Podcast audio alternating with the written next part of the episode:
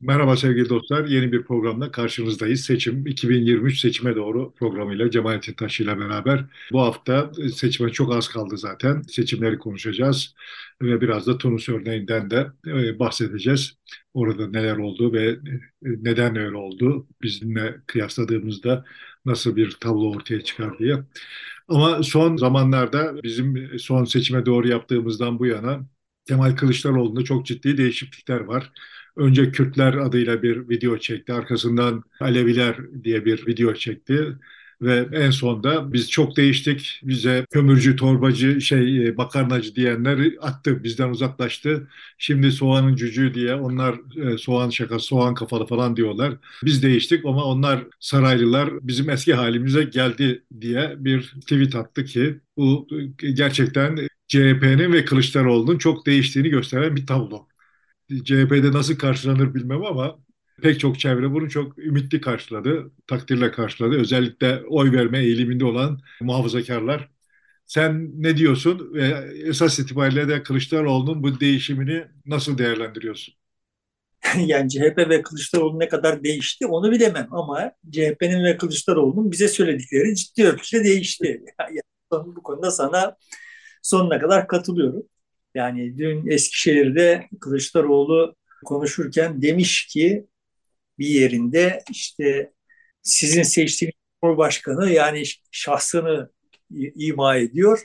Putin işte Türk askerlerini Suriye'nin kuzeyinde öldürdüğünde e, onun kapısının önünde beklemeyecek. Sen bunu niye yaptın diye hesap soracak. Yani o da tuhaf bir ifade. Yani hani niye öldürtüyorsun kardeşim çocuklarımızı? Çocuklarımızı öldürtmeden önce bir aksiyon alsaydın iyi olacaktı diye geçtiği için ama ama yani ben daha önce böyle şeyleri kullanıyor idiyse Kılıçdaroğlu farkında değildim. Bu çok bariz bir biçimde kullanılması gereken bir şeydi. Hani Erdoğan'ın aslında öyle caka satıp dururken etrafa ben işte ne kadar da Türkiye'nin haklarını ele karşı koruyorum. Bunlar monşerler bu işin cılkına çıkarmışlardı. Bizim haklarımızı yediriyorlardı derken Erdoğan bu, bu hikayeyi yazarken aslında olay böyle olmuyor idi ve böyle olmadığını aslında Erdoğan'ın menfaatleriyle Türkiye'nin menfaatlerinin bir ortak olmadığını göstermek gerekiyordu. Ben daha önce Kılıçdaroğlu'nun böyle bir laf ettiğini duymadım. Ettiyse yani bu kampanya döneminde başka mitinglerde de ettiyse eğer her durumda yeni bir şey. Yok duymadık. Ee, Onu e, şu vesileyle yaptı. İşte aynı gün Moskova'da e, savunma bakanları ve istihbarat başkanları bir araya gelmişti. Bu Suriye'deki gelişmeleri görüşmek için dörtlü olarak bir araya geldiler. Bu defa daha önce üçlüydü. Rusya, Türkiye, Suriye ve İran dışişleri şey e, savunma bakanları ve istihbarat başkanları. O vesileyle sanıyorum ilk kez burada söyledi bu seçim sürecinde. Yok hemen akabinde şunu dedi. Yani sonuçta yani bu seçim sürecinde ilk defa Eskişehir'de söylemiştir manasında söylüyor ise hemen akabinde şunu söyledi. Yani dedi ki sizin seçtiğiniz Cumhurbaşkanı bunları mealen söylüyorum kelime kelime ezberlemiş değilim yani hani. Sizin seçtiğiniz Cumhurbaşkanı ayrıca kişisel varlığı hakkında şantaja da boyun eğmeyecek. Trump Erdoğan'a bak üstüme gelme şahsi servetini açıklarım dediğinde tık çıkmadı dedi. Ama bu e, şey bana geldiği zaman açıklamayan namerttir diyeceğim dedi. Şimdi yani bunlar bundan yıllar önceden itibaren yapılması gereken şeylerdi benim kanaatime göre. Ve yine benim kanaatime göre Kürt meselesi, Alevi meselesi, şimdi bu utangaç Kürt, utangaç Alevi e, çıkışları, utangaç derken küçültmek için söylemiyorum. Ama olabilir olanla mukayese ettiğim zaman utangaç tabirini kullanmayı uygun görüyorum yani. Bu çıkışlar da yıllar öncesinden yapılmalı idi. Bunlar ne yani şuraya varmaya çalışıyorum. Neden yapılamadı bunlar? Neden bu tarihe kadar geldi? Biz bunlara dokunursak zarar görürüz. Neden zarar göreceksiniz? Yani siz Kılıçdaroğlu ve CHP olarak veya İyi Parti olarak veya işte diğer muhalif partiler olarak siz bu noktalara dokunursanız yani Erdoğan'ın dış politikada nasıl diz çöktüğünü anlatırsanız yani işte Erdoğan'ın nasıl göbeğinden bir yerlere bağlı olduğunu anlatırsanız veya Aleviliği veya Kürtlüğü bir olağanlık olarak tarif ederseniz niye başınız ağrıyacak? Çünkü toplum bunu bunlara hazır değil. Bu sizin kanaatinizdi. Seni kastetmiyorum yani. CHP'lilerin yani işte ya da neyse çok bilmişlerin Twitter ahalisinin kanaati. Ne oldu yani? Sonuçta şimdi Kürtler diye birkaç dakikalık bir video yaptı. Akabinde Aleviliğin açıkladığı birkaç dakikalık video yaptı. Ne oldu? Yani buradan Kılıçdaroğlu zarar mı gördü? Tam tersi. Tam tersi. İlk destek gördü. Ben de iddia ediyorum ki neden böyle iddia ediyor idim? Ben topluma güveniyor idim. Yani toplumun Kürtlük meselesini, Alevilik meselesini mesele etmeyecek. Daha re, e, realist, daha gerçekçi, hayat, hayatla ilişkileri bu tür şeylerden etkilenmeyen, az etkilenen diyelim ve daha makul hayalleri olan, daha makul planları olan, gelecekle ilgili daha makul planları olan ve bugünüyle ilgili de daha makul talepleri olan olgunlaşmış bir toplum olduğunu düşünüyorum Türkiye'nin. Bu şu manaya gelmiyor. Yani toplumun bütün hücreleri, bütün her bir hücresi teker teker bu olgunluğa ulaşmış değil. Ama zaten öyle olmaz. Yani Birleşik Devletler'de de ya da Fransa'da en gelişmiş kimi görüyorsanız orada da işte düz dünyacılar var. Aklınıza gelebilir aşı, aşı karşıtları var. Her her türlü insan var. Yani bir tarikat, bir manasız tarikatte kendisini feda edip hayatını feda etmeye hazır olan sayısız insan var. Her toplumda var yani. Şimdi bu böyle Türkiye'de e, cımbızla ayıklayıp bu tipleri bak işte böyleleri var. Demek ki bizim toplum adam olmaz. Dene dene buraya kadar gelindi ya.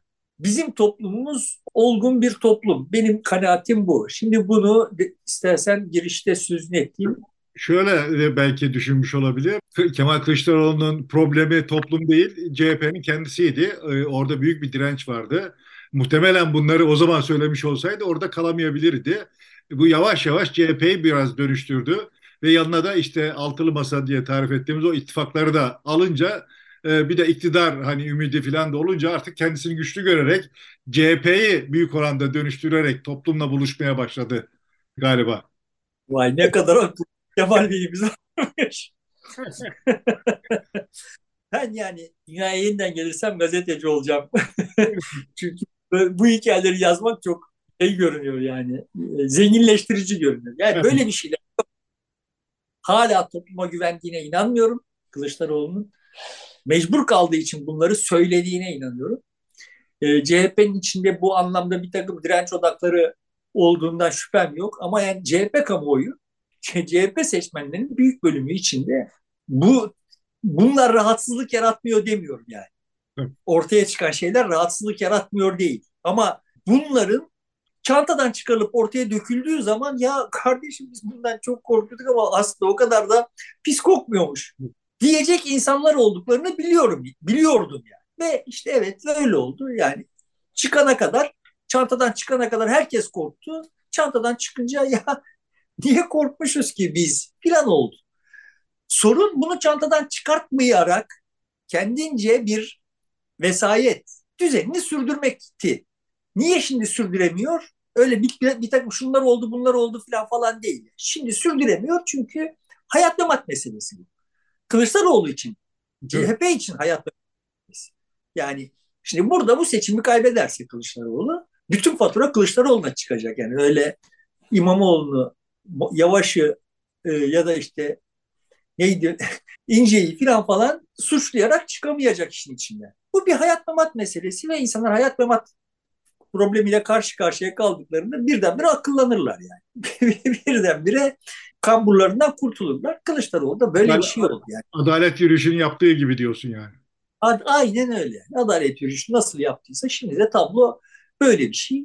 Bu benim açımdan bu işi Kılıçdaroğlu'nun yapması. Kılıçdaroğlu profilinde bir adam. Kılıçdaroğlu kimliğinde değil. Kimlik özelliklerinden söz etmiyorum. Kılıçdaroğlu profilinde bir insanın yapması bunu benim açımdan rahatsız edici. Ama Kılıçdaroğlu'nun kimliğinde birisinin bunu yapması Türkiye için çok şık oldu. Bu arada Eskişehir'de şunu da söylemiş. yani bunu başka yerlerde söylüyorlar mı bunları bilmiyorum. Bana gelmiyor yani. Mesela Twitter'larda falan bunlar yayılmıyor. Demiş ki siz bu seçimde oy kullanacaksınız. Burada Aleviler meselesine işte bu gençlere yıkıyor. Aslında niye gençlere yıktığını bilmiyorum ama Siz bu seçimde oy kullanacaksınız ve dünya tarihinde bir otokratik rejimi barışçı yollarla sandıkla devirmiş olarak dünyanın saygısını kazanacaksınız mealinde bir şey söylemeyeceğim. Bu böyle tam Eskişehir'de söylenecek bir laf. Çünkü aferin budalasıdır Eskişehirliler. Yani bütün Türkiye aferin budalasıdır aslında da. Orada eski... tam, tam rakamı veriyor. 64 bin küsür galiba. İlk defa oy kullanacak kişi sayısı Eskişehir'de öyleymiş. E, o rakamı tam söylüyor. Bak diyor dersimizi çalıştık geldik diyor. Siz diyor, evet, bunu yaparak rejimi değiştireceksiniz barışçıl bir yolla diye söylüyor ya. Yani. Bir de Eskişehir mitingi çok, çok şey olmuş galiba. E, çok coşkulu ve kalabalık olmuş. Bugüne kadar yapılan mitinglerin içerisinde çok önemli bir miting olarak değerlendiriyor. Orası, oraları bilmiyorum yani şeyin e, kendi ligindeki yeri itibariyle bir bilgim yok. Ben sadece hani bir vesileyle mitingin e, videosu önüme düştü ve işte böyle zıplaya zıplaya izlerken yani işte önce Büyükelçen sonra Mansur Yavaş sonra Kılıçdaroğlu zıplaya zıplaya izlerken bu değindiğim hususları yakaladım. Yani burada önemli olan siz şu kadar gençsiniz ve oyu verip de Erdoğan'ı göndereceksiniz değil. Önemli olan siz bunu yaptığınız zaman bütün dünya size parmak ısıracak. Yani şimdi bu hikaye yayılabilse Türkiye'de çok iş yapar.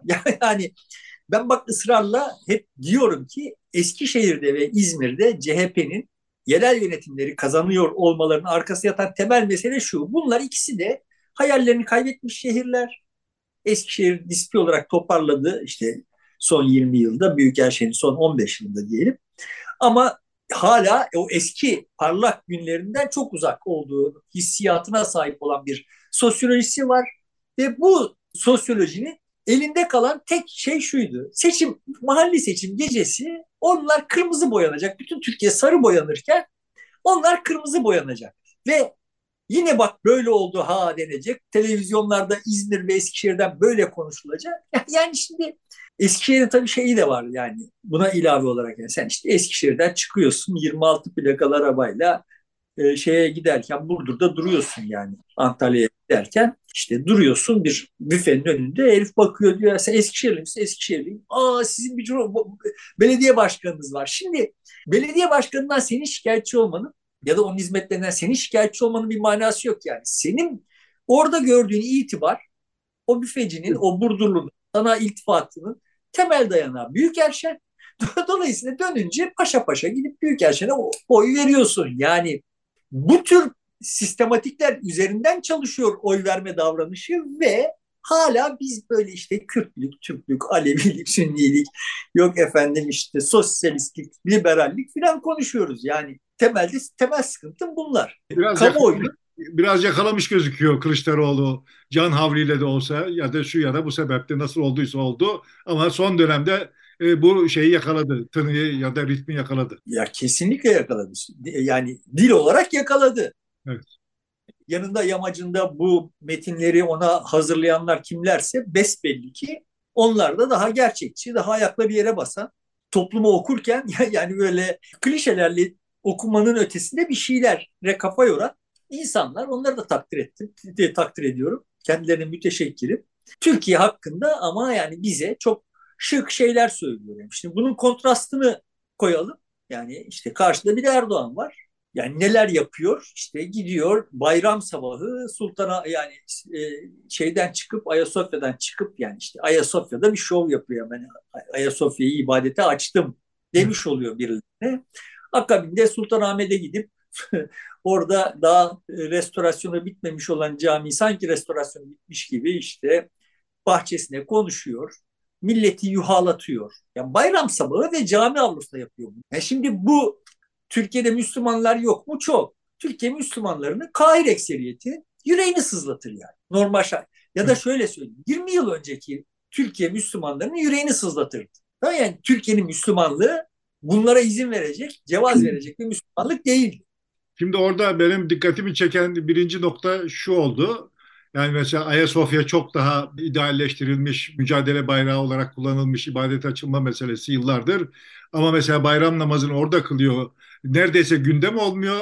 Ama Sultanahmet'in işte avlusunda e, miting yapar gibi işte kürsü kurulup orada miting yapması ve siyasi konuşma yapması çok daha öne çıkıyor. Evet. Ve aslında yani, eleştiriliyordu o. Dolayısıyla şimdi aslında işte Ayasofya'da bir hikayeydi. Ortaya çıkınca göründü ki öyle değilmiş. Evet. Yani Ayasofya'yı açan, Ayasofya'yı ibadete açan bir daha ömrü billah ölene kadar memlekete vaziyet eder gibi bir hikayesi vardı Türkiye'nin. Evet. Türkiye hakkında konuşanların hikayesi böyleydi. Öyle olmadı yani. Yani biz unuttuk Ayasofya'yı falan falan. Birçok başka şeyle birlikte. Şimdi buna eklemeler yapalım. Yani ana hatları itibariyle sen benim eksiklerimi tamamla. Ana hatları itibariyle benim gördüğüm tablo şöyle bir şey. Bir tarafta bir kanalda şey pompalanmaya çalışıyor. Biz iş bitireceğiz. Bunlar iş bilmezler. Bu klasik sağcı siyasetçileri. Demirel'den beri bunlara versen üç kazı güdemezler. Geyiğiyle sattığı hikaye. Bunun arka planı var mı? Var. Çünkü işte evet Menderes geldi, memleket traktör gördü.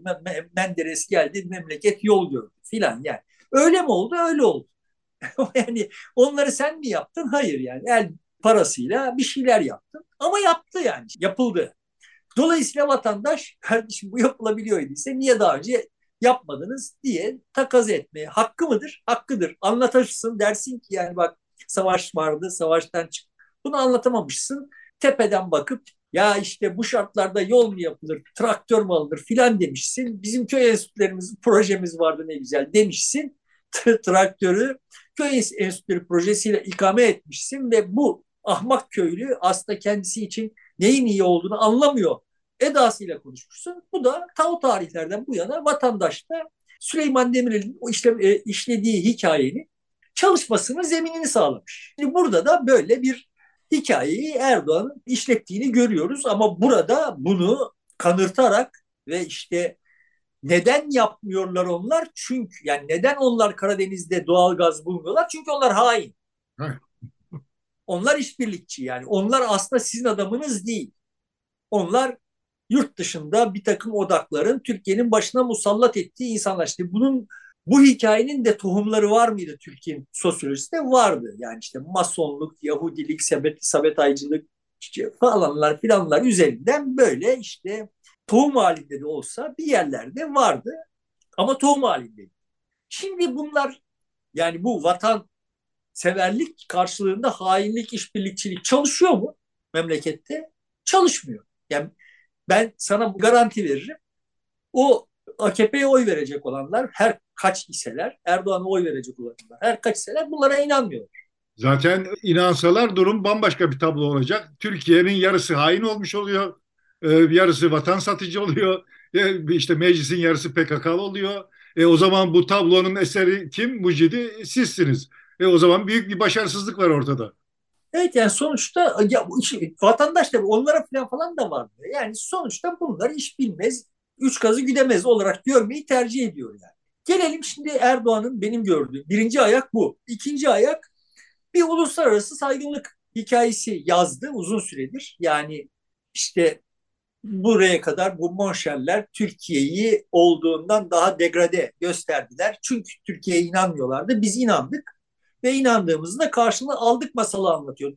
Realite tam bunun tersi olduğu halde işte demin dediğim gibi Kılıçdaroğlu'nun buraya bir çomak sokmasını çok yerinde buluyorum. Bu hikayenin bir alt bileşeni var. O da bir biriciklik. Kendine özgürlük. Yani Türkiye kendine özgü bir ülkedir. Dolayısıyla onun o yerli milli işte hani onu tanımak, ona saygı duymak üzerindendir. Bu bileşen sağcıların şeyi değil. Bileşeni değil. Yani sağcılar aksine Türkiye'yi dünyanın bütün toplumları gibi bir toplum olarak görüp ona öyle muamele ettikleri için karşılık buldular. Yani Demireller, Özallar demediler yani Türkiye işte böyle İtalya'dan farklıdır. Fransa'dan farklıdır filan demediler. Yani onlarda ne varsa sizde de olacak dediler. Tam aksine. Şimdi bu solcuların, kendi solcu yanlış bir tabir oldu solculuğu te- tenzih ederim. Kendilerine solcu diyen salakların Türkiye'de Türkiye'ye bir biriciklik yakıştırmaları gelenekseldir. Yani hep başından beri böyle oldu yani. Yani bu kendine özel bir ülke. Dolayısıyla burada biz kendimize özel teoriden bağımsız uyduruk şeyler geliştiririz ve kimse de bize hesap soramaz. Lüksünü sürdürebilmek için yani 1940'ların politikaların arkasında da bu vardı yani. Kardeşim sizin bildiğiniz gibi değil burası öyle uluslararası teorilere falan falan sığmıyor. Burası kendine özel bir yer. Şimdi burada görüyoruz ki Erdoğan sağcı şeyden gelmiş, solcu bir takım yine solcu yani sağcı olmayan bir şeyleri cumhuriyetçi diyelim, kemalist diyelim neyse bir şeyleri buna monte ediyor. Jakobinist desek de olur. Peki öyle diyelim. Şimdi üçüncü boyutu bu kampanyanın tehdit ve şiddet. Yani bariz bir biçimde böyle ölçüsüz yani daha önce bu, bu tür tehditler ve şiddet Türkiye siyasetinde e, yer almadı mı? Aldı. Yani Mustafa Kemal kendisine muhalif olanları Karadeniz'de boğdurttu yani. Ya da işte Bulgaristan sınırında boğdurttu. Ya öldürttü yani. Değil mi? Yani sonuçta şimdi bunlar Türkiye'de çok yadırganacak şeyler değil. 1970'lerde 90'larda neler olduğunu biliyoruz yani. O bunlar olabilir şeyler ama bunlar kendisinden utanılacak ve böyle ulu orta hakkında konuşulmayacak. Yani bunu yapıyor iken bu tarafta ya ne kadar da yazık oldu Mustafa Süpiye diyeceğin filan bir şey yani. Erdoğan bu sınırı geçti. Yani Erdoğan dibine kadar Jacoben, işte dibine kadar işte o eski derin devlet şeyiyle çalışıyor ama bir de bu, bunun propagandasını da yapıyor yani. Bu anlamda bir şahika yani. Şimdiye kadar görülmemiş bir şey. Benim gördüğüm kadarıyla. Benim bildiğim dönemde hiç olmadı. Benim bilmediğim dönemlerde de anladığım kadarıyla Mustafa Kemal'in filan İzmir suikasti davası gibi bir tezgahın ardından bile orada işte Cevdet'in arkasından bir tür yazıklanması olduğu söylenir filan. Yani şimdi ama hiç bunları böyle kamuoyunun önüne çıkıp aha böyle de ezeriz, böyle de filan falan demediğini biliyoruz yani. Bunları yaparsın. Devlet devletin bekası için bu tür şeyler yapılır ama topluma bak siz de böyle yapın Denmez. manasına gelecek mesajlar verilmez yani. Ama işte Erdoğan bu konuda bütün sınırları geçti. Benim gördüğüm kampanyanın Erdoğan'ın olağanüstü yoğun faaliyetlerinin ana taşıyıcıları bunlar. Ekleyeceğim bir şey var mı? Bunun yanında şimdi devlet eşittir Erdoğan dedi. Bir de e, İslam eşittir Erdoğan noktasına kadar getirdi o camideki konuşmasıyla birlikte. Şimdi o İslam meselesine geleceğim. Ama önce bu kamuoyu hakkında ki genel kanaat olarak var olan ve çuvalladığını gördüğümüz başka bir hususa gelelim. Burada vaat yok. Yani Erdoğan kesenin ağzını açtı. Herkese bir şeyler verdi ve kimseye bak ben size şunu verdim diyemiyor. Yani kampanyada bunlar çalışmıyor.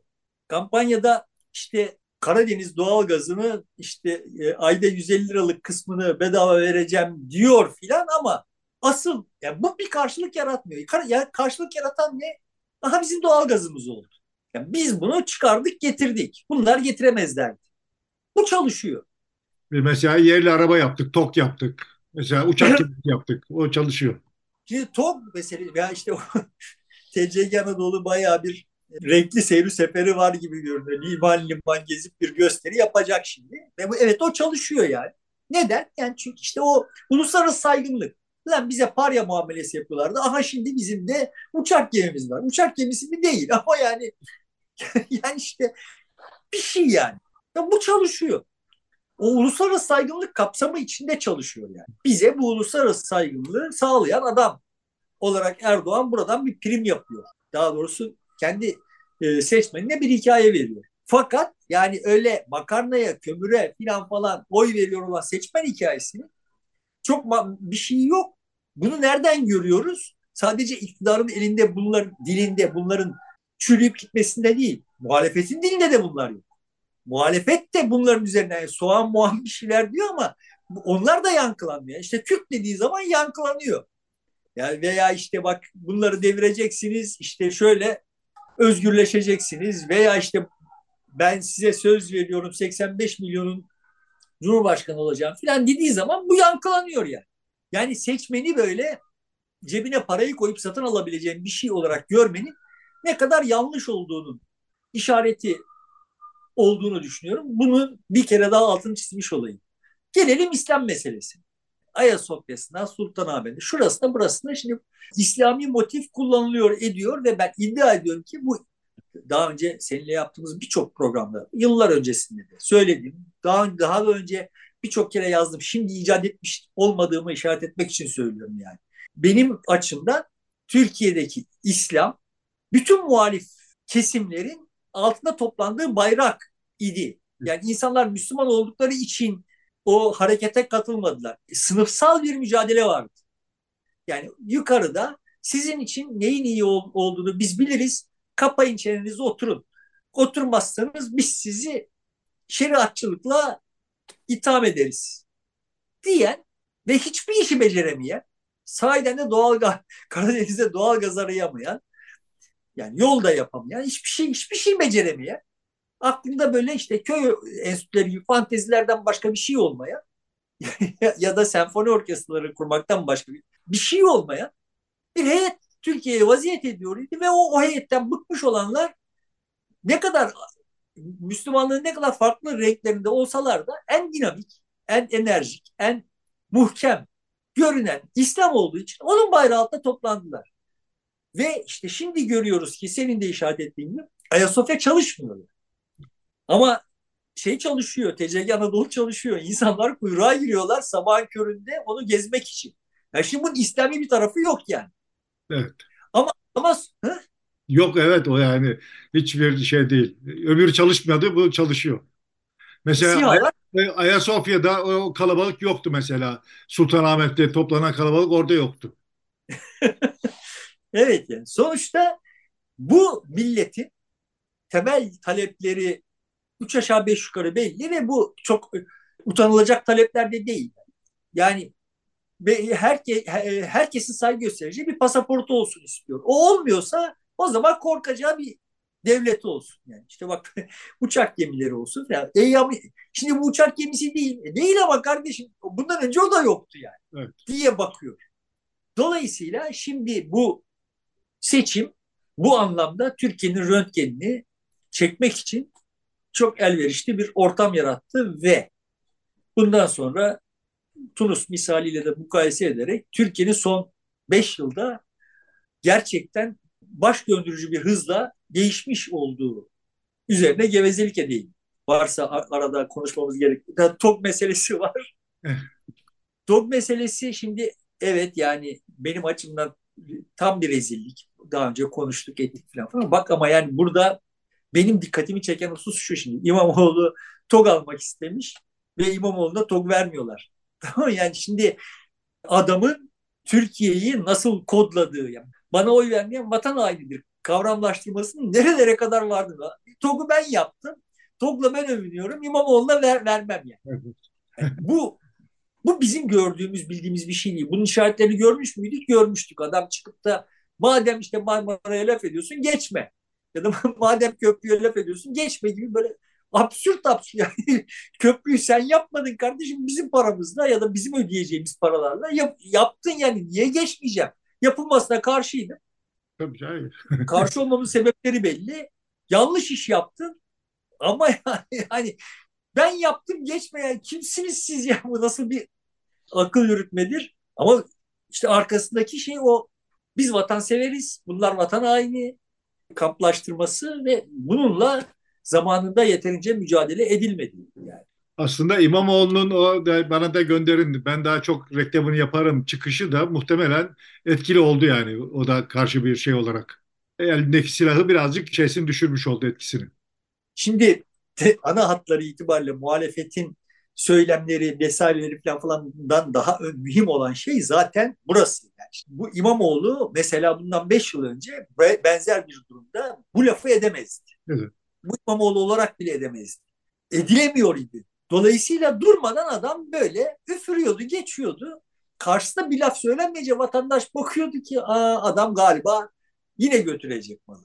Veya işte adam haklı filan diye bakıyor. Şimdi lafına laf yetiştiriliyor ve defansa çekilmesi gereken Erdoğan'ın. Evet.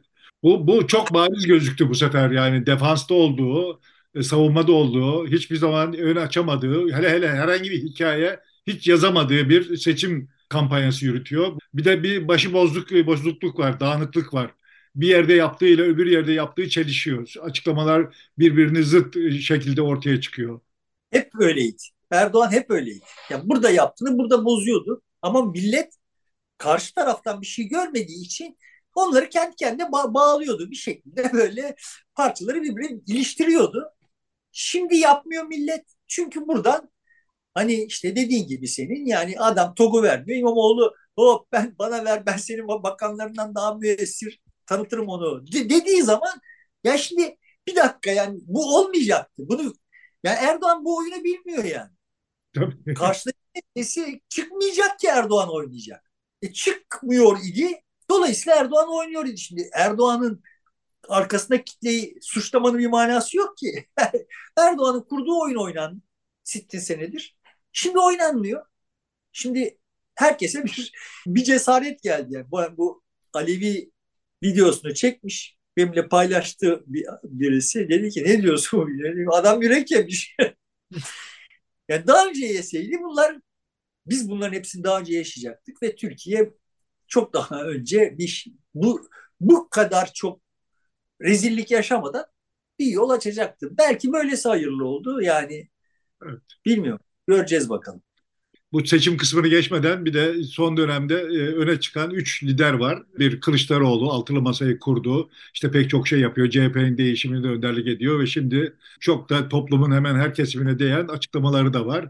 Selahattin Demirtaş zaten uzun süredir hapishaneden yaptığı açıklamalarla toplumun yönelişini etkileyebiliyor idi.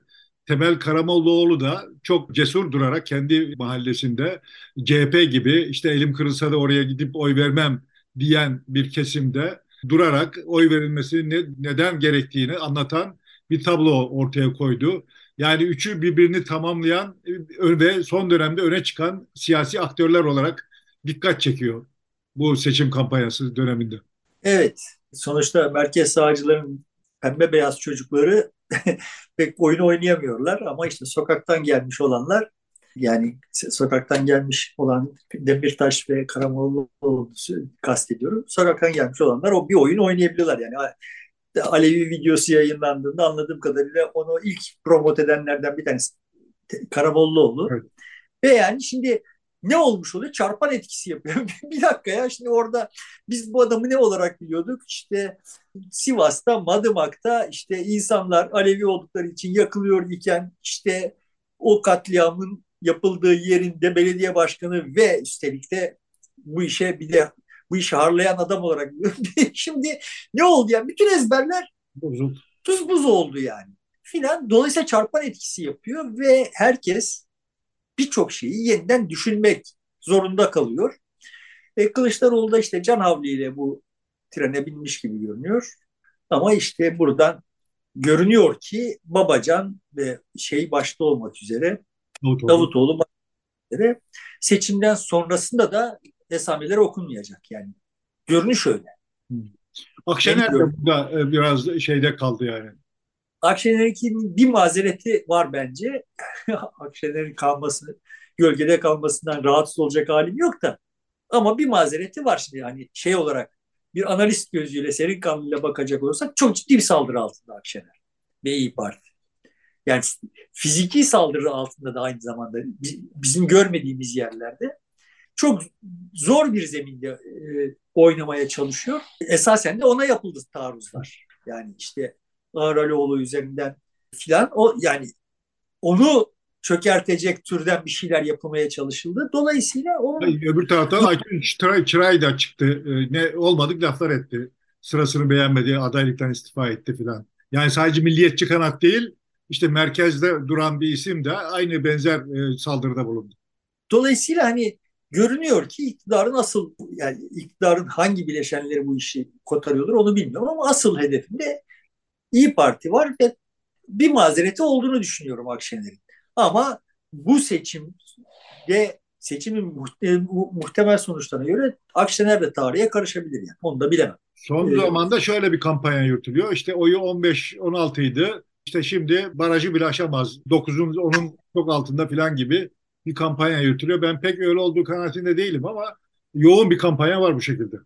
Şeyi bilmiyoruz yani sonuçta Akşener'in partisinin güçlü olduğu ya da güçlenebileceği o coğrafyalardaki şeyi ben bilmiyorum yani işte. Hani onun kendi tabiriyle kullanacak olursa Selçuklu coğrafya dediği yerde ki tablo ne ben o o sosyolojiye çok aşina değilim. Ama ben de bana da kalırsa yani Akşener İyi Parti ciddi bir oy alabilir. Evet. Kılıçdaroğlu'na oy verip ama CHP'ye oy vermeye eli varmayacak olan ciddi bir kesim e, İyi Parti'ye oy verebilir ve bu seçimden çok beklenmedik şeyler çıkabilir diye düşünüyorum yani. Ama hani senin başlarken söylediğin şeye dönecek olursak sonuçta işte Kılıçdaroğlu zaten kendi emekliliğini yazdı. Seçimi kaybederse zaten toprak olur yani. Ama kazanırsa ve işte oradan bir şimdi yapmaya çalıştığı türden bir liderlik çıkartmaya çalışırsa ağzına yüzüne bulaştırır. Yani şimdi Kılıçdaroğlu bu kadar övdük ettik şunları iyi yaptı bunları iyi yaptı diye yani o şey videosunda görmüşsündür. Yani bir, bir yanına İmamoğlu bir yanına Mansur Yavaş'ın müsamere tarzına çektiği videoyu da görmüşsün yani. Yani ortaokul seviyesinde bir şey yani. Öyle ama, ama işte bu... muhtemelen toplumdan gelen o talep işte yani e, iki o aktörü de bir şekilde öne çıkartmak gerekiyor anlayışının ürünü gibi geldi bana. Biraz sakil yani, duruyor. Öne çıkartmıyor ki yani bak bunlara ben direktif veriyorum. Rolü ben dağıtıyorum abi. Bunları adama saymayın. Esas oyuncu esas olan benim diyor. Yine her zamanki Kılıçdaroğlu olarak. Ee, ve yani kurgusu yanlış, replikler biçimsiz. Yani bir, her şey müsamere yani. Ama işte vatandaş da bunu gör, seçmen de bunu görmezden geliyor yani. Bu tür şeyleri görmezden geliyor. Mesela o bana onu bana ulaştıran şuradan buradan bana ulaştıranlar onu mizahi bir biçimde ulaştırdılar ama Kürtler veya Alevileri ulaştıranlar ya bir dakika ne oluyoruz şimdi? Enerjisiyle ulaştırdılar. Hani buralardan çıkartıyorum işte ben yani bunlar ne yankı yapıyor? Kimde ne yankı yapıyor? Bu, bu o reaksiyonlardan çıkartıyorum. Alevi videosunun zaten izlenme sayıları, sayıları başlı başına bir şey yani bir tuhaflık. Ve milletin dönüp dönüp izliyor demek ki yani. Dönüp dönüp izleyenleri saymıyorlar zaten tekil sayıyorlar ama çok izlendiği açık. Ve niye o kadar çok izlendi be o da e, bir şaşırtıcı bir tablo. Yani dünyanın en çok izleniyor falan dediler. Gerçi o doğru değil gibi galiba ama teyit.org onu onaylamıyor. Ama... Twitter kayıtlı olarak en çok izlenen video diyorlar yani. Bilmiyorum. Evet, ama bence de şaşırtıcı bir şey. Şeyi geçti yani. Şeyin, Sedat Peker. Ha, onun videolarını geçti. Sedat Peker yaya kaldı yani bu işte. Zaten orası. Şimdi, Evet, Tunus'a geçebiliriz şimdi. Şimdi Tunus'tan çıkarılacak bir ders var manasına Tunus'a geçmekten diyeyim. Yoksa teferruatına girecek değilim de ama ana hatları itibariyle tablo şöyle bir şey yani. Tunus'ta işte bir daha önce konuştuk. Benim en beklemediğim yerden bir Arap Baharı fitili Tunus'ta alevlendi, ateşlendi. Sonra karma karışık oldu ortalık ama diğer Arap ülkelerinden farklı bir güzergah izledi yani Tunus'ta o işte Nahta daha uzlaşmacı bir tutum daha aklı başına bir tutum aldı vesaire filan gibi bir tablo çıktı ve Tunus pozitif ayrıştı diğer Arap ülkelerinde. Ha tamam işte bak ne güzel böyle de bir formül de varmış filan olurken aradan bir yerden böyle işte son derece iddiasız tırnak içinde seküler, modern yani bir anayasacı ipleri eline geçirdi. Yani bir tür hakem olarak. Farklı kesimlerin hepsinin hakemi olarak. Şimdi benim uzaktan gördüğüm hikaye böyle bir şey. Sonra bu nereye evrildi? Bu hakem herkesi dövmeye başladı. Yani, öğrenciler yani, falan da çok seviyormuş yani şeydi hocalığında. Yani öyle bir antipatik tarafı da yok. Son e, televizyonlarda şurada buradaki anayasa tartışmalarında da hep uzlaşmacı, e, karşıt olanları birbirlerini yakınlaştıran, onları bir orta yol çözüm e, öneren bir akil adam olarak öne çıkmış. Evet öyle görünüyordu. Ama sonra yap ettikleri eline gücü geçirince başlangıçta gücü geçirdikten bir süre sonra bir, bu geçirdikten sonra da bir süre böyle idare etti. Böyle göründü. Ama sonra çok da uzun sürmeyen bir periyodun sonunda adam zıvanadan çıktı. Yani şimdi Tunus iyice köşeye sıkışmış gibi bir hali var. Şimdi bu bizim açımızdan güzel bir gösterge. Yani böyle topluma yukarıdan bakan ve işte o işte sendikalar, barolar vesaireler falan böyle örgütlü toplum tırnak içinde böyle kendilerini siyaset yapıcı olarak konumlandırabildikleri ve bir tane de bir adamın da onların üstünden bir kudreti merkezileştirebildiği durumda bir çıkış yok. Yani adamı değiştiriyorsun. Yani Binali'yi gönderiyorsun işte bu geliyor yani gelen aynı oluyor. Yani daha uzman olmak, ehil olmak yetmiyor demek. Evet. Kudret bozuyor ya. Evet. Dolayısıyla benim hani bu seçim sonrasında seçimde benim tahmin ettiğim sonuç ortaya çıkarsa seçim sonrasında Türkiye'nin önünde böyle bir imtihan olacak. Bunu, buna işaret etmek için Tunus'u önemsiyorum. Tunus haline gelir mi Türkiye? Benim gördüğüm kadarıyla gelmez. Ama yani sonuçta yine de o örneği herkesin kendince bir araştırıp ya bir dakika Tunus haline gelmemek için bize görev düşüyor noktasına gelmesi gerekiyor. Ben Türkiye'nin oraya geleceğini ümit ediyorum. Yani siyasi partiler çok gevşedi. yani işte CHP'nin içinden beş tane parti çıkacak şimdi seçimden sonra filan yani partilerin kimlikleri vesaireleri kalmadı. Şu. Dolayısıyla bizde şeyde bir fonksiyon olarak parti kalmadı neredeyse. Evet. Odalar vesaireler de zaten bizde çok makbul, çok makbul olmadıkları için çok müessir değildirler. Yani oralarda bir siyaset kotarılmaya, pişirilmeye çalışılır. Hep öyle olur ama müessir değildirler. Dolayısıyla biz kendi işimizi kendimiz görmek zorunda olan bir toplumuz ve bu seçimden sonra da kendi işimizi kendimiz görmek zorunda kalacağız. Şimdi yeni rakının reklamını gördüğümü bilmiyorum. Gördüm. Evet. Cumhuriyet'in 100. yılı hürmeti. Yani şimdi yani Cumhuriyet seyretmeye başladığı zaman pekala herkesin kafasında aynı yani muhalif muvafık. İktidar kanadında, muhalefet kanadında. Herkes o reklamı seyretmeye başladığında 14 Mayıs kastediliyor. 14 Mayıs akşamı kastediliyor diye seyrediyor sonuna kadar. Ve şık bir dönüşle Yeni Rakı kendisini kurtarmış. Yani, yani niye şimdi 29 Ekim'i bekleyeceğiz de öyle yurt dışından döneceğiz efendim falan filan. Bir manası yok yani. 14 Mayıs akşamını anlatmaya çalışıyor ve evet çok çok riskli. Yani muhalif kanadın azgınlaşma potansiyelini işaret ediyor. Azgınlaşabilir mi muhalif kanat? Azgınlaşabilir. 14 Mayıs gecesi seçimi kazanırsa Azgınlaşabilir mi? Azgınlaşabilir. Yani azgınlaşmak ne olacak? Sarıklıları dövmek olmayacak. Tarikat yurtlarını basmak da olmayacak. Ama yani herkesin bir gecede bir büyük devirmesi olabilir yani.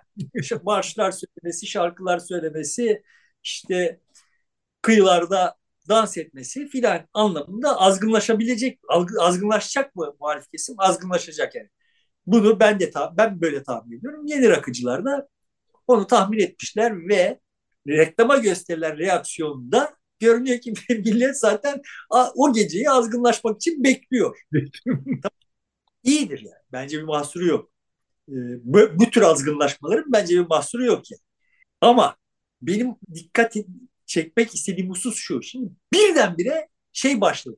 Ya bu bir dakika bu 29 Ekim ha. Bak 14 Mayıs kastetmiyor. Neden böyle? Çünkü işte bundan iktidar yanlıları incinecekler. İşte konsolide olacak. Kardeşim bırakın kons incinsinler, konsolide olsunlar. Yani bu bir maç. Tamam Bu bir mücadele. Böyle rakibi incitmemek vesaire tıpkı şey gibi yani. Bunlar hep kutudayken kendisinden korkulan şeyler. Ya bir korkmayın ya.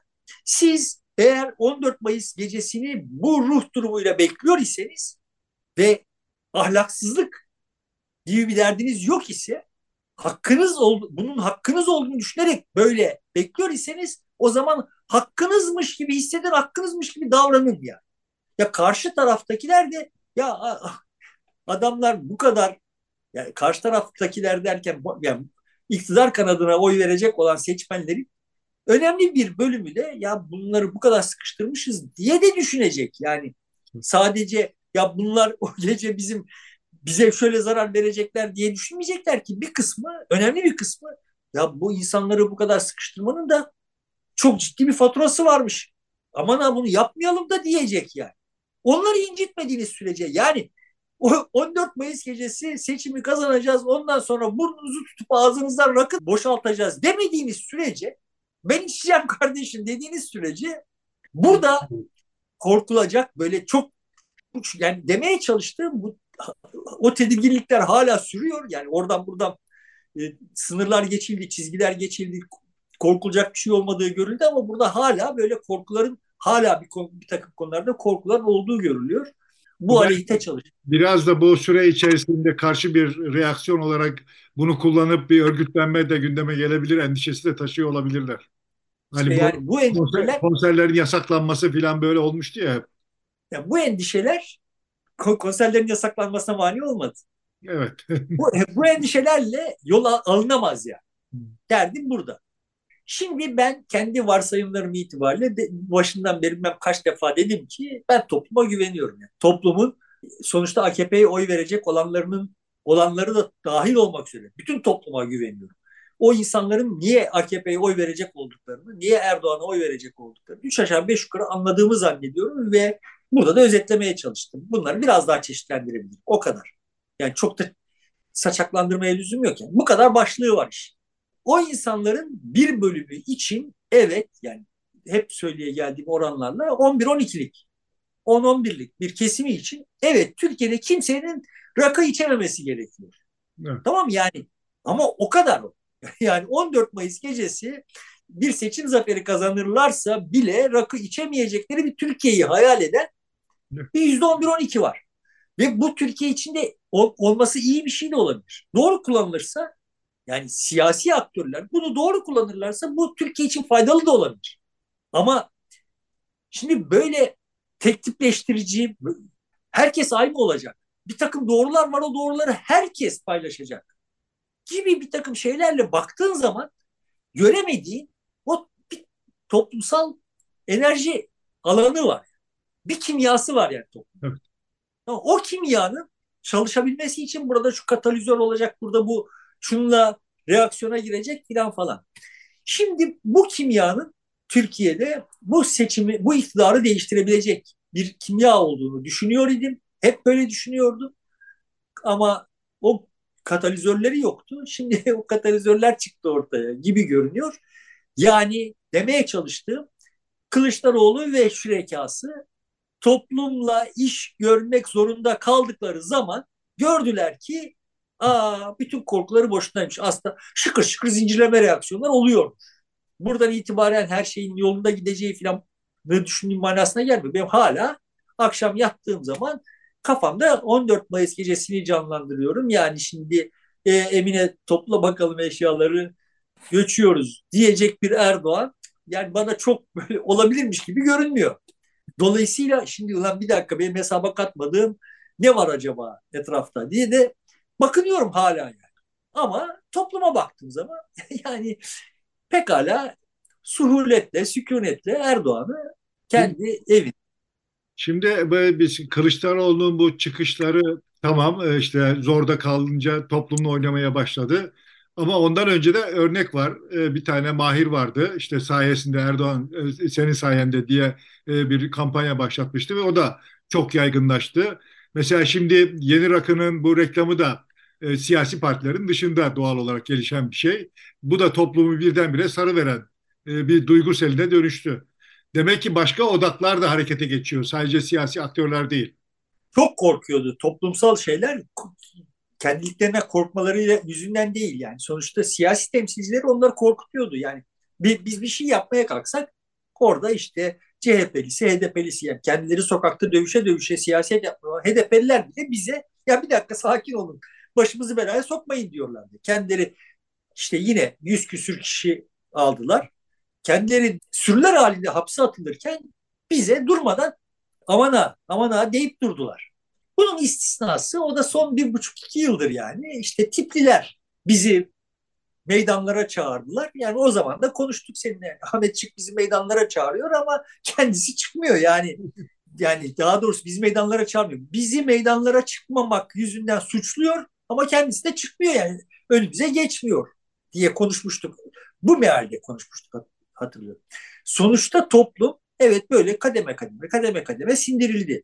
Ama ne kadar olgun bir toplum olduğunun göstergesi de burada. Yani şimdi seçime yaklaşıldığında bu işi sükunetle kimsenin burnunu kanamadan, kanatmadan halletmek ümidiyle sandık gününü bekliyor. Hiçbir aşırılık olmuyor. Normal şartlarda bu seçime 20 gün kala Türkiye'nin bu kadar barışçı, bu kadar yani Erdoğan'ın o kadar saldırganlığına rağmen bu kadar kavgası gürültüsü gelebileceğini zannediyorum hiç kimse tahmin edemez. Ben ben edemezdim. Etmiyordum yani. yani bugün çok, çok daha endişeliydin evet. Ama yani toplum bir safhada meseleye el koydu. yani meseleye el koymasına da en çok Akşener vesile oldu. Yani işte o kalkıp masadan kalkıp oturacak. bir dakika kardeşim. Sizin aranızdaki şeyler bizi ilgilendirmiyor. Siyaset oyunları, ayak oyunları bizi ilgilendirmiyor. Biz bu seçimin sonucunu şöyle bağladık diyen bir toplum var. Dolayısıyla hani toplumun kimyası itibariyle bakıldığında e, olaya el koydu ve kimyası itibariyle bakıldığında da benim kendisine güvenmemi haklı gösteriyor olduğunu düşünüyorum. Ama sonuçta ve o güven meselesinin dışında baktığımız zaman toplumun kimyasının olağanüstü değişmiş olduğunu düşünüyorum. Yani sonuçta ben bile bu topluma böyle bakıyor olduğum halde bu Kürt mesele, Kürtler videosunu, bu Alevi videosunu bu kadar sızıntısız bir şey yapabileceğini tahmin etmezdim. Yani şöyle söyleyeyim. Yani şimdi mesela Muharrem İnce konuşup duruyor sağda solda. Ben hani Muharrem İnce'nin videosunu tamamını, o Babala TV'deki videosunu tamamını izlediğim zaman öyle trailerını gösterdiği kadar başarısız da bulmadım yani. Onu da işte parantez içinde söylemiş olayım. Ama şimdi mesela Muharrem İnce veya işte bir başkası hatta iktidarın kendisi bu Kürtler videosuna bu e, şey e, Alevi videosuna doğrudan Kılıçdaroğlu'nun suçlu sandalyesine oturtacak biçimde bir kulp takamadılar. Evet. Yani bu kulbu takarlarsa toplumdan görecekleri reaksiyonu ne kadar büyük olacağından korkuyorlar gibi görünüyor bana. Bu dolayısıyla şimdi toplum evet kimyasına güvenilir bir toplum idi ama bu kimyanın bileşenleri değişti, malzemesi değişti diye düşünüyorum ve bu değişimi hızlandıran zaten değişiyordu. Ama radikal bir biçimde hızlandıran pandemi oldu. Yani pandemiyle birlikte her birimiz teker teker ve aynı zamanda her birimiz internet üzerinden birbirimizle birlikte dünyanın bizim daha önceki önceliklerimize pek de uymadığını, bu dünyanın başka bir yer olduğunu ve başka bir dünyanın da olabilir. Yani başka bir dünyanın mümkün olduğunu hep düşünüyor idik ama e, bizim düşündüğümüzün dışında da başka, bizim düşündüğümüz başkanın dışında başka bir dünyanın da mümkün olduğunu filan hissetmeye başladık. Dolayısıyla çok radikal bir değişim var. Bu çok radikal değişimi seçim sonrasında iktidarı kazanana çok zorluk çıkartacağını düşünüyorum. Belki de işini kolaylaştıracak. Yani toplumla oynamayı bilen birileri olsa işini kolaylaştırır. Ama yani bizim 15 Mayıs'tan itibaren eğlenceli ve işte sancılı bir süreci hep birlikte inşa etmeye kalkacağımızı düşünüyorum. Bu şeyden bu, sonra e, bu Alevi, Kürt ve Alevi videosundan sonra onlar ne kadar ilintilidir bilmiyorum ama şöyle bir eğilim e, giderek kuvvetlenmeye başladı. İşçi Partisi ya niye ayrı girdin? Yeşil ve Sol'la birlikte girseydin daha iyiydi değerlendirmesi daha yükseldi. E, sanki zarar veriyor ayrı girmesi düşüncesi e, o çevrelerde oraya oy verme eğiliminde olan insanlar içerisinde artmış gibi gözüküyor. Yani Pervin Buldan isim vermeden tipi tipe oy vermeyi tırnak içinde yasaklayan bir konuşma yapınca falan olay, olay alevlendi. Zaten var idi. Nispi olarak centilmence yürütülüyordu olan bir şey, e, yarış biraz belden aşağı kaydı gibi görünüyor. Erkan Baş'ın e, Selahattin Demirtaş'ı ziyareti birazcık dengelemiş oldu. O da hani daha fazlasını yapmamak, ben dışarıda olsaydım mitingi birlikte giderdik, yoldaşlık bunu gerektiriyor falan diye e, biraz toparlamış da oldu. Ama buna rağmen bu eğilim var. Şimdi geçen videoda ben kendi kanaatim olarak daha öncesinde ben tipin ciddi bir sıçrama yapabilecek bir potansiyeli olduğunu düşündüğümü söylemiştim. Geçen videoda dedim, dedim ki yani benim kamuoyunda hissettiğim macera aramayacak. Yani Cumhurbaşkanlığı seçiminde yapacağını yaptıktan sonra parlamentoda macera aramayacak. Yani işte Cumhur İttifakı'nın oyları AKP'de toplaşacak. Millet İttifakı'nın oyları CHP ve İYİP'te bölgesel olarak hangisi şeyse orada oralarda yoğunlaşacak ve diğer ittifakın oyları da e, Yeşil Sol Parti'de yoğunlaşacak gibi hissediyorum. Bu sağlıklı bir şey mi? Yani Yeşil Sol Parti'nin bulunduğu kanadı analiz edecek olursak bu sağlıklı bir şey mi? Çok emin değilim. Bir açıdan sağlıklı görünüyor bana. Çünkü işte orada bir Kürt partisi değil de daha Türkiye'lileşme potansiyeli olan bir parti olması bir açıdan bakıldığında Türkiye'nin demin sözünü ettiğim o 15 Mayıs sonrası için çok da elzem bir şey olabilir. Onu kestiremiyorum. Yani 15 Mayıs sonrasında işte e, yüzde yarım ya da yüzde bir oy almış bir tip olur ama işte burada yüzde on dört almış bir Yeşil Sol Parti olursa genel olarak Yeşil Sol Parti adına söz alanlar hem tip ve diğer bütün bileşenleri yani Türkiye solu adına da konuşma hakkına ve selahiyetine sahip olacaklar. Dolayısıyla daha Türkiye'li gibi görünmek için bir zeminleri olacak yani.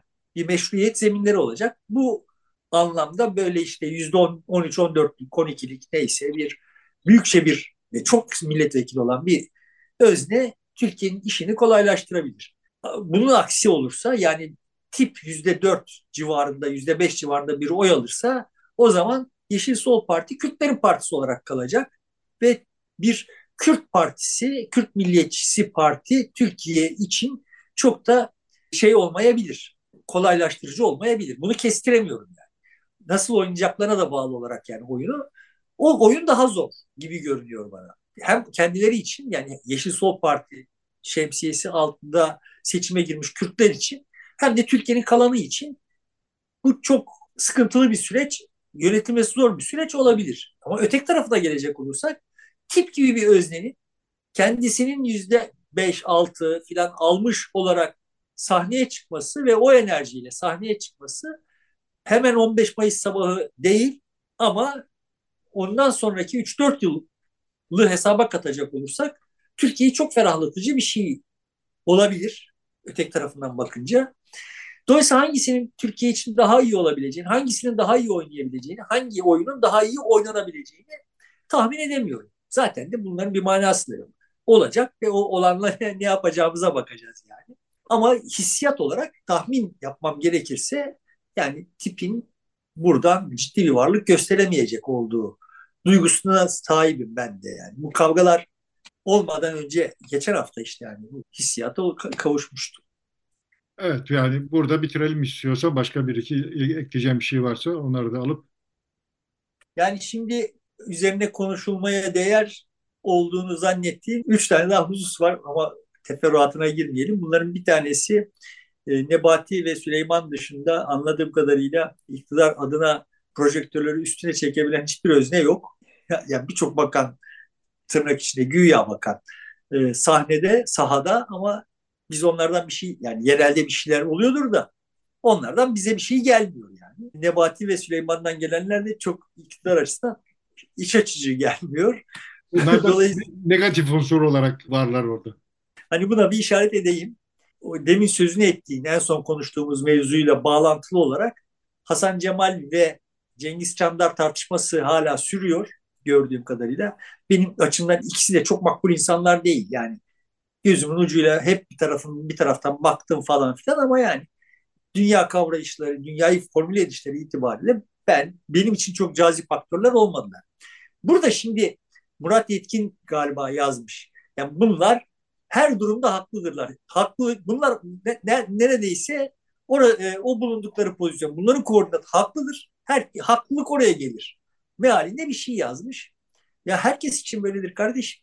Yani Murat Yetkin kendisi 30 yıl boyunca hep ya da Nuray Mer 30 yıl boyunca hep aynı yerde mi kalmış? Kal, kaldıysa zaten budalalık bu. Yani şimdi biz gençken TRT'de böyle programların arasında çeşitli şıklıklar deneniyordu. O bir dönemde şey Zeki Alasya, Metin Akpınar küçük birkaç dakikalık parodiler yapıyorlardı. Hatırlar mısın bilmiyorum. Orada şimdi Zeki, Zeki Alasya doktora gitmiş. Metin Akpınar doktor. Zeki Alasya diyor ki işte ya doktor bey yiyorum yiyorum iştahım kaçıyor. Yiyorum yiyorum iştahım kaçıyor diyor. Metin Akpınar ulan o senin de doymak denir diyor. Şimdi kardeşim bak karnımız açken bizim birinci önceliğimiz karnımızı doyurmaktır. Doyurduğumuz zaman hala karnımızı doyurmak gibi bir önceliğimiz varsa biz salakız demektir. Yani şartlar değişir. Ve şartlar değişti sen değişmiyor ise o zaman bu bu sistematik bir budalılıktır yani. Yani şimdi de hep söyleyip duruyorum işte yani şimdi proletarya için siyaset yapmanın manası yok çünkü mesele proletaryanın işsizleştirilmesi. Yani niye emek üzerinden 70'lerde makuldü. Bir, bir manası vardı. Belli bir kesim için bir manası vardı. Ama şimdi bunu yapmanın, yapmak manasız bir şey. Ya hep ben proletarın yanında duracağım diye hepimizi işçi yapacaksınız? Yani dolayısıyla Hasan Cemal ve Cengiz Çandar'a bu imkanı da yok zaten. Hepimiz işçi yapma imkanı da yok, iş yok. bunlar yaparlar. Bunlar yaparlar. Şimdi sonuçta bu kafayla gittiğin zaman herkes işçi yapmayı kafaya koymuşsan son derece ilkel teknolojiyle fabrikalar kurarsın. Hep bizi işçi yaparsın yani. Onu kafaya koymuşsan yaparsın. Yanlış olan onu kafaya koyma. Şimdi geleyim son olarak şeyle bağlayayım. Fenerbahçe basketbol, kadın basketbol takımı Avrupa şampiyonu oldu ve bir Türk takımını yenerek finalde Avrupa şampiyonu oldu. Kadın voleybol takımı da Avrupa şampiyonu oldu. Yine bir Türk takımı Vakıfbank'ı yenerek Avrupa şampiyonu oldu.